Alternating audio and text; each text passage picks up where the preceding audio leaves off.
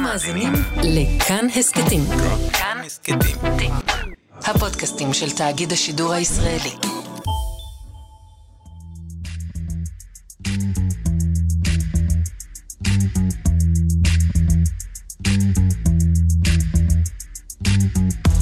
שלום אלון אמיצי. שלום, שאול אמסטרדמסקי. מרגיש שהמון זמן לא היינו פה, אה? זה כי באמת לא היינו פה הרבה זמן. תגיד, מה עשית בזמן הפגרה? האמת שרקדתי. אני... אני, אני אוהב לרקוד כשאנחנו בפגרה. אני רוקד בין לבין כשאנחנו בין עונות. אמיצי. כן, רקדתי. אני שמח לשמוע. אה, אני מודה שאני בעיקר צפיתי בכדורגל, כשעוד היה כדורגל. בסדר, יופי, אתה בהחלט מייצג את התאגיד היטב. תשמע, עזוב אותי, עזוב אותך, אתה יודע מה צליל אברהם עשתה בפגרה? אני יודע. שנספר למאזינות ולמאזינים? כן, אז צליל אברהם ילדה בזמן הפגרה, והיא הפכה להיות אימא בזמן הפגרה. את כל זה היא עשתה בפגרה. יש גור כיס חדש בעולם הזה. צליל ניצחה את הפגרה.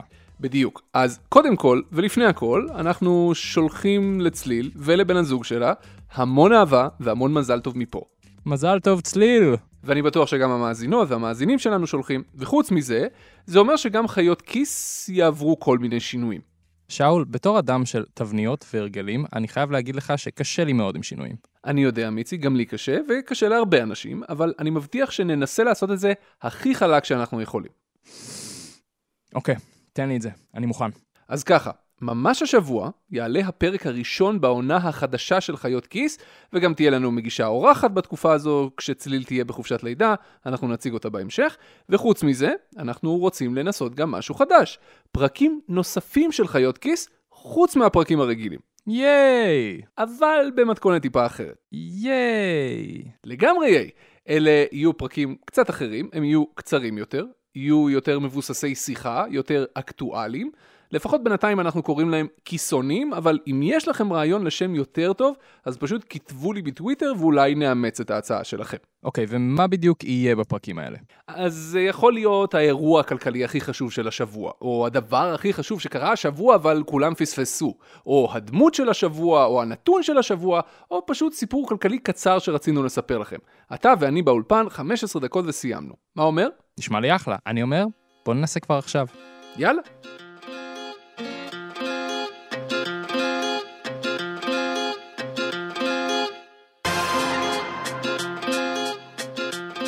אז ללא ספק, האירוע הכי גדול שקורה בימים אלה הוא המאבק על השינויים שהממשלה מקדמת במערכת המשפט, והאופן שבו כל הדבר הזה ישפיע על הכלכלה. התחלנו כבר נוהל של הפגנות ברחובות כל מוצ"ש, מתקפות יומיות בין ימין לשמאל, איומים בקץ הדמוקרטיה, מחנה אחד אומר שזה יהרוס את הכלכלה, נתניהו אומר שזה יחזק את הכלכלה. בגדול, חורף שגרתי בישראל. בדיוק. עכשיו, אנחנו פה בחיות כיס משתדלים לא להתיימר, ולכן אנחנו לא נתיימר לדחוס ברבע שעה ניתוח כלכלי משפטי מעמיק של מה כל השינויים האלה יעשו לכלכלה, בין היתר משום שאף אחד לא באמת יודע לענות על השאלה הזו במדויק. אז מה כן נעשה? אז במקום זה, אני מציע שנסתכל לרגע מה קרה לכלכלה של מדינה אחרת שכן עשתה שינויים מרחיקים לכת במערכת המשפט שלה ובמערכת השלטון שלה באופן כללי, הונגריה. אוקיי, שאול, תן לי את כל מה שאני צריך לדעת על הונגריה. אז ככה, הונגריה היא מדינה יחסית קטנה במימדים אירופאיים. האוכלוסייה שלה מונה קצת פחות מעשרה מיליון אנשים, והנה פאנפקט, היא במגמת התכווצות. מגמת התכווצות, כלומר יש פחות ופחות הונגרים כל שנה? בדיוק ככה. פייר מרענן. וואלה, עם כל האווירה הזאת של התרחבות וצמיחה כל הזמן, יש משהו מאוד צנוע בלהתכווץ. כל הכבוד להונגרים. חוץ מזה, הונגריה היא עדיין כלכלה מתפתחת. היא נשענת בעיקר על ייצור תעשייתי ועל חקלאות, ואין בה ממש ענפי תעשייה מתקדמים כמו שיש בישראל. גם רמת החיים שם הרבה יותר נמוכה מאשר בישראל, למרות שהיא יותר גבוהה מאשר במדינות כמו רומניה למשל. הונגריה ממש מוגדרת כלכלה עם הכנסה בינונית. ממשיך את הקו הזה של הצניעות. ב-2010 נבחר שם לשלטון ראש הממשלה ויקטור אורבן, שמאז באופן רצוף נבחר שוב ושוב להנהגת המדינה. אורבן הוא איש ימין אולטרה שמרני, ובמדינות רבות באיחוד האירופי הוא נחשב ממש לפופוליסט מוקצה. הוא מרבה להשתמש ברטוריקה כזאת של אנחנו והם, מגלה גם סימני אנטישמיות מדי פעם, בחור סימפטי כזה. וואלה, ומה הוא עשה מאז שעלה לשלטון? איזה רפורמות הוא הוביל? אז הוא עשה הרבה מאוד דברים. קודם כל, הוא הגביל מאוד את התקשורת החופשית בהונגריה. הוא העביר חקיקה שמחייבת את כלי התקשורת להירשם אצל רשות השידור הממלכתית, והם חייבים על פי חוק לספק סיקור מאוזן, שזה משהו שהממשלה קובעת מהו, אחרת הם משלמים קנסות גבוהים. חוץ מזה, אורבן ביצר מאוד את השליטה שלו במערכת הפוליטית. הוא שינה את אזורי הבחירה באופן כזה שמיטיב עם המפלגה שלו, הוא העלה את אחוז החסימה ל-5% ומאוד פגע ביכולת של מפלגות קטנות להתקיים בכלל, ובעצם הפך את המערכת הפוליטית למערכת עם פחות מפלגות, עם דומיננטיות מאוד גבוהה של המפלגה שבראשה הוא עומד. ברמה של ארצות הברית, עם שתי מפלגות דומיננטיות בלבד, או ברמה של מצרים, שזה או הסיסי או הביתה? לא זה ולא זה, אבל פחות מפלגות ממה שהיו קודם. ולבסוף, מערכת המשפט. אורבן ביצע שינויים בחוקה של הונגריה, וגם בנה מערכת משפט מקבילה למערכת המשפט המסורתית שהייתה בהונגריה, והמערכת החדשה הזאת היא כפופה לשר המשפטים. כלומר, הוא עשה פוליטיזציה של מערכת המשפט. ומערכת המשפט החדשה הזאת היא זו שאחראית למשל על ביקורת על עבודת הממשלה. אבל מי שממנה את השופטים במערכת הזאת הוא שר המשפטים, שהוא איש של אורבן. כל זה נשמע מאוד לא דמוקרטי ופר מאוד מלחיץ, אבל מה הייתה ההשפעה של זה על הכלכלה? או, אז זה תלוי איך אתה מסתכל על זה. קודם כל, אורבן ממשיך להיבחר לתפקיד ראש הממשלה, מה שאומר שיש ציבור הונגרי מאוד גדול שתומך בו, למרות כל המחאות שהיו נגדו. מצד שני, המדינות החברות באיחוד האירופי, כלומר יתר המדינות, הוקיעו אותו, גינו אותו ובעיקר הטילו עליו סנקציות חמורות ופשוט לא מוכנות יותר להעביר כספים להונגריה. שזה מוכיח באופן ברור וחד משמעי שרפורמות מהסוג הזה במערכת המשפט מזיקות לכלכלה, כן? אז האמת היא שיש לא מעט מחקרים שנעשו על ידי כלכלנים באקדמיה שמראים קשר מאוד ברור בין מערכת משפט מבוססת ועצמאית וגם מוסדות שלטון עצמאיים לבין חוזקה של הכלכלה. אבל במקרה של הונגריה זה טיפה יותר מורכב. איך יותר מורכב? אז זהו, שאם תסתכל על נתוני המקרו של הונגריה, לא תצליח בכלל לראות את ההשפעה של השינויים שאורבן עשה לשיטת המשטר. קח למשל את הנתון הכי בסיסי, אוקיי? קצב הצמיחה של הכלכלה ההונגרית. אז אורבן עלה לשלטון ב-2010, ואני רואה פה, נכנסתי לאתר של ה-World Bank, שקצב הצמיחה שם לא רע בכלל. כלומר, הוא עולה ויורד קצת, אבל מסתובב בין 2% ל-4 ומשהו אחוז בשנה, שזה ממש לא רע. ב-2020 יש ירידה בגלל הקורונה, כמו בכל העולם, אבל ב-2021 הכלכלה התאוששה וצמחה ביותר מ-7%. בדיוק. עכשיו תסתכל שם גם מה קרה להשקעות הזרות במדינה. אם באמת המשקיעים חושבים שהונגריה נעשתה מקום מסוכן להשקיע בו, כי השלטון יכול לשלוט על הכלכלה ולעשות כל מה שהוא רוצה, זה בוודאי יבוא לידי ביטוי בקצב זרימת ההשקעות הזרות למדינה, נכון? כן, אז כשאני מסתכל על הנתון הזה, על השקעות זרות למדינה, אני לא רואה את זה, הוא בעיקר עולה ויורד. נגיד ב-2015 ירד קצת, בשנים שאחרי זה עלה. ב-2020 היקף ההשקעות הזרות בהונגריה היה גדול יותר מכל הכלכלה ההונגרית, ובשנה שאחרי זה זה ירד קצת. אנחנו תכף נצלול לעומק העניין הזה, אבל תודה שבהסתכלות מלמעלה, קשה לראות שהכלכלה ההונגרית נפגעה אנושות בגלל הרפורמות של אורבן, נכון? נכון, אבל רגע, מה קרה לדירוג האשראי של הונגריה? שאלה יפה, אבל לפני שנגלה, בואו נסביר בכלל מה זה דירוג אשראי.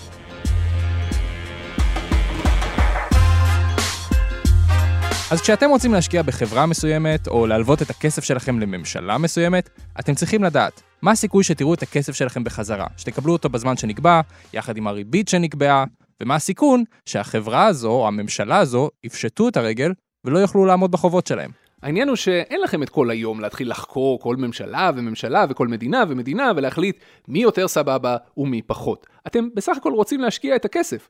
איך תדעו במי? אז בשביל זה יש את סוכנויות הדירוג. סוכנויות הדירוג הן חברות בינלאומיות שעושות את האנליזה הזו בשבילכם, המשקיעים.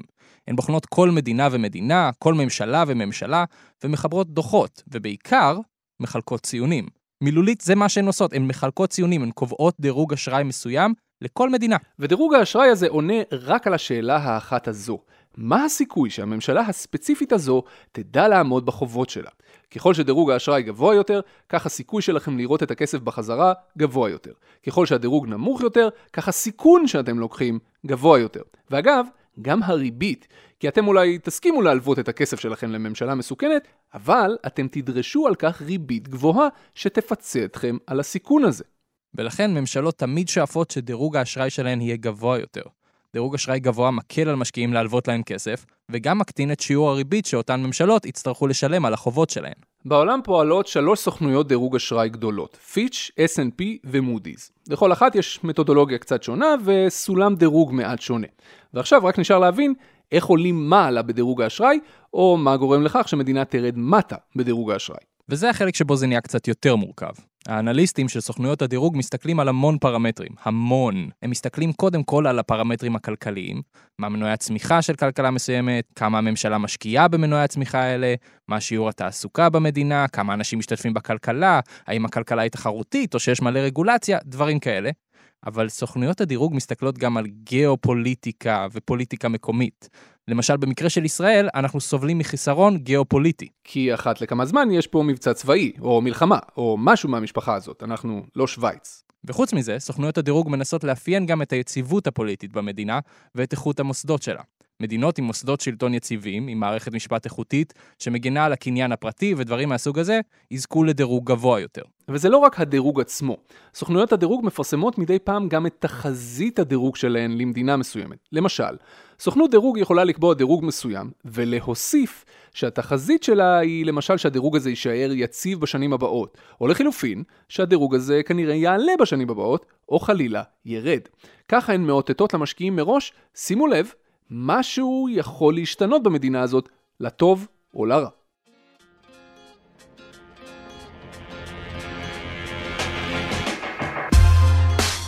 אוקיי, אז מה קרה לדירוג האשראי של הונגריה תחת ויקטור אורבן והרפורמות שלו? איזה ציון הם קיבלו? אז בהתחלה, דירוג האשראי של הונגריה ירד. אה, אה, אבל אז הוא עלה בחזרה. אה, כן, בוא נפרק את זה שנייה. מלכתחילה דירוג האשראי של הונגריה הוא לא משהו, אוקיי? בערך שנה אחרי שאורבן נכנס לתפקיד, הוא עמד על triple B minus, ואז ירד קצת ל double B plus, שזה מאוד מאוד קרוב לאזור שמתחת לו, המשקיעים פשוט כבר לא ישקיעו במדינה בכלל. במשך כמה שנים דירוג האשראי של הונגריה פחות או יותר נשאר באותו אזור, ואז, בערך ב-2015, סוכנויות הדירוג התחילו לתת תחזית חיובית לדירוג של הונגריה, ומאז הוא באמת עלה, ונמצא במגמת עלייה עד עכשיו. היום דירוג האשראי של הונגריה עומד על triple B. עוד קצת מאמץ ואתם ב triple B plus חבר'ה. כן, אה, סתם לשם השוואה, דירוג האשראי של ישראל הרבה יותר גבוה. אנחנו באזור ה double A, שזה לא הכי גבוה שיש, כי זה triple A, אבל זה גם לא רע בכלל. ובעיקר, לפחות כרגע, תחזית הדירוג שלנו יציבה, ואפילו חיובית בחלק מהסוכנויות, בזמן שתחזית הדירוג של הונגריה שלילית. ועדיין, למרות התחזית השלילית, אתה רואה שלמרות הרפורמות במערכת המשפט בהונגריה, ולמרות שאורבן ביצר את כוחו מאז שעלה לשלטון, דירוג האשראי אומנם ירד לתקופה, אבל מאז עולה. מה זה אומר? זה אומר שבשביל להבין את הקשר בין שינויים במערכת המשפט לבין מה שקורה בכלכלה, צריכים לצלול עוד הרבה יותר עמוק פנימה.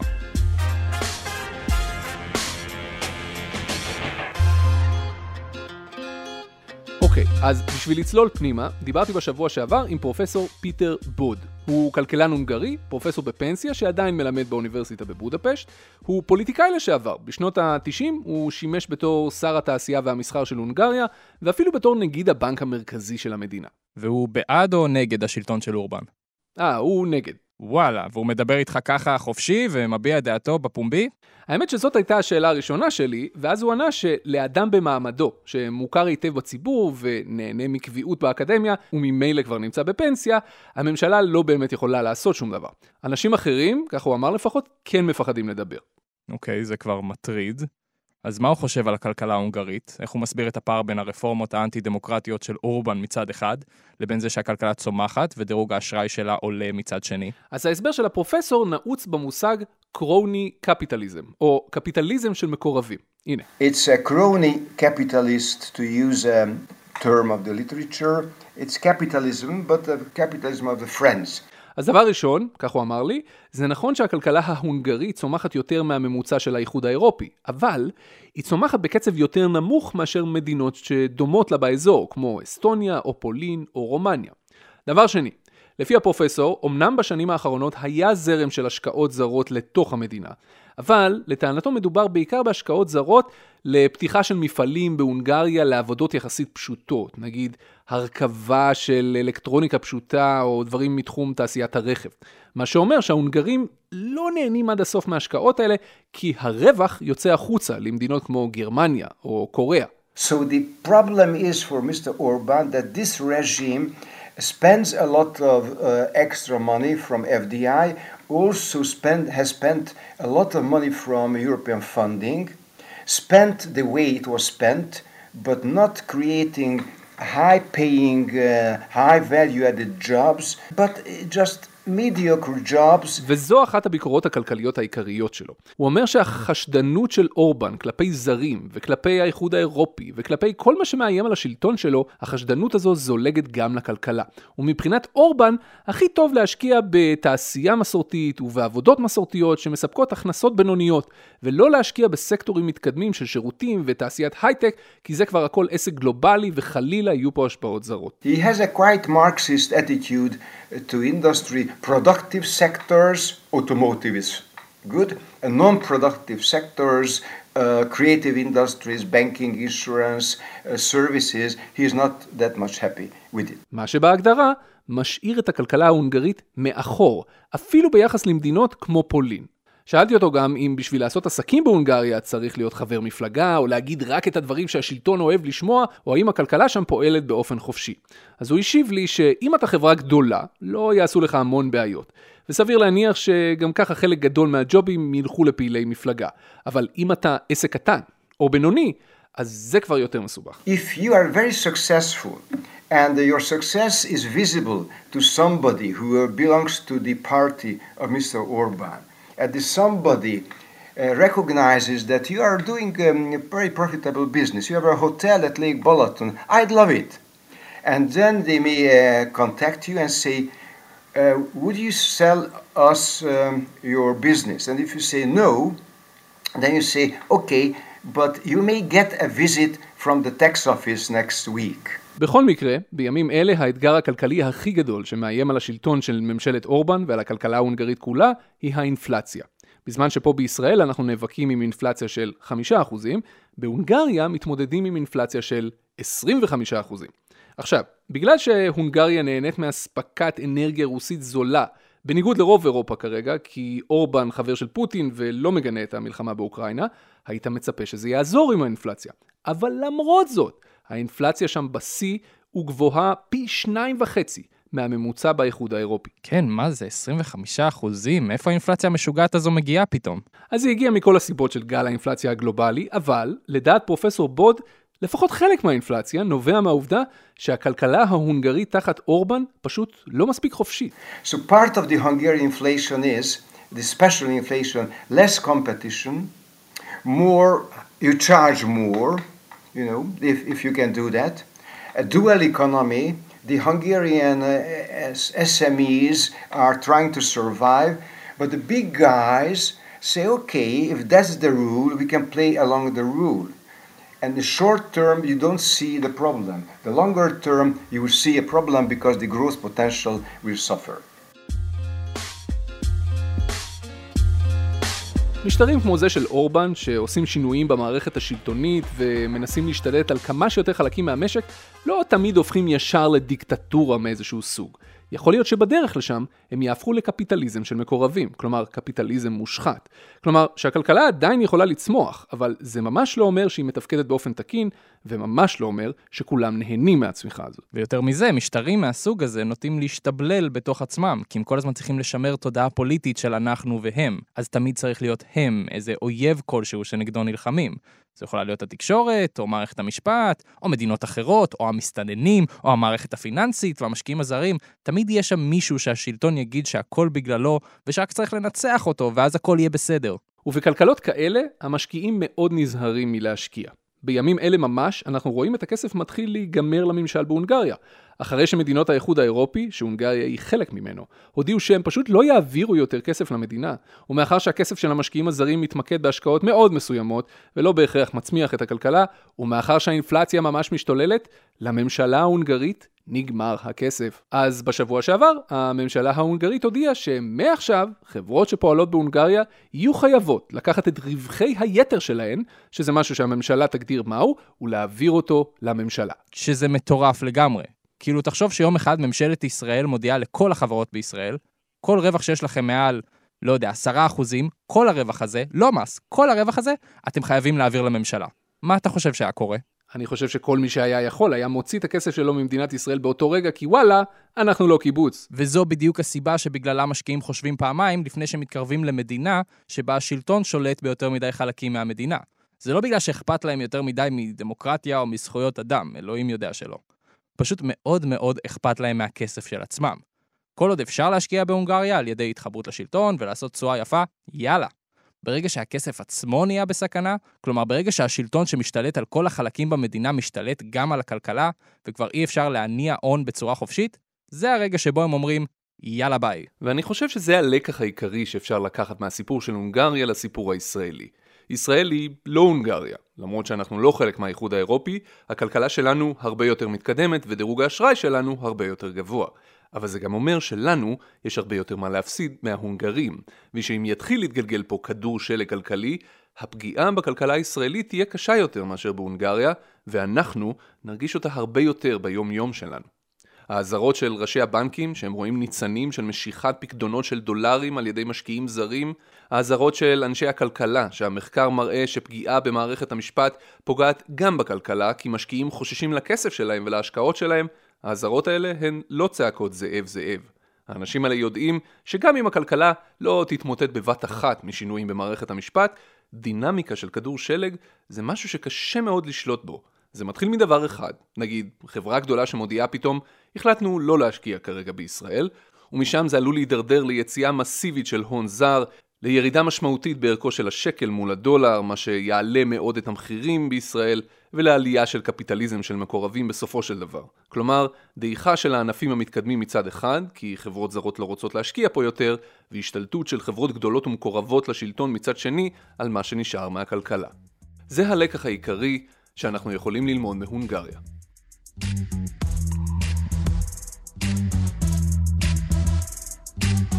אתם האזנתם לכיסון, שזה משהו חדש שאנחנו מנסים בחיות כיס.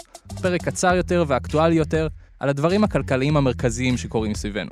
נשמח לשמוע מה חשבתם על הפורמט הזה, כי אנחנו רוצים לנסות את זה שוב מדי פעם, בנוסף על הפרקים הרגילים שלנו. העונה החדשה של חיות כיס תיפתח ממש השבוע, כלומר בעוד יומיים, בפרק חדש ומיוחד. מה יהיה מיוחד בפרק, שאול? אמיצי, כל פרק של חיות כיס הוא מיוחד. העורך של חיות כיס הוא תומר מיכלזון, עורך הסאונד שלנו הוא אסף רפפורט. במערכת חיות כיס תמצאו גם את צליל אברהם וענת קורול. תודה אלון אמיצי, תודה שאול אמסטרדמסקי. וכרגיל, תודה רבה לכם שהאזנתם.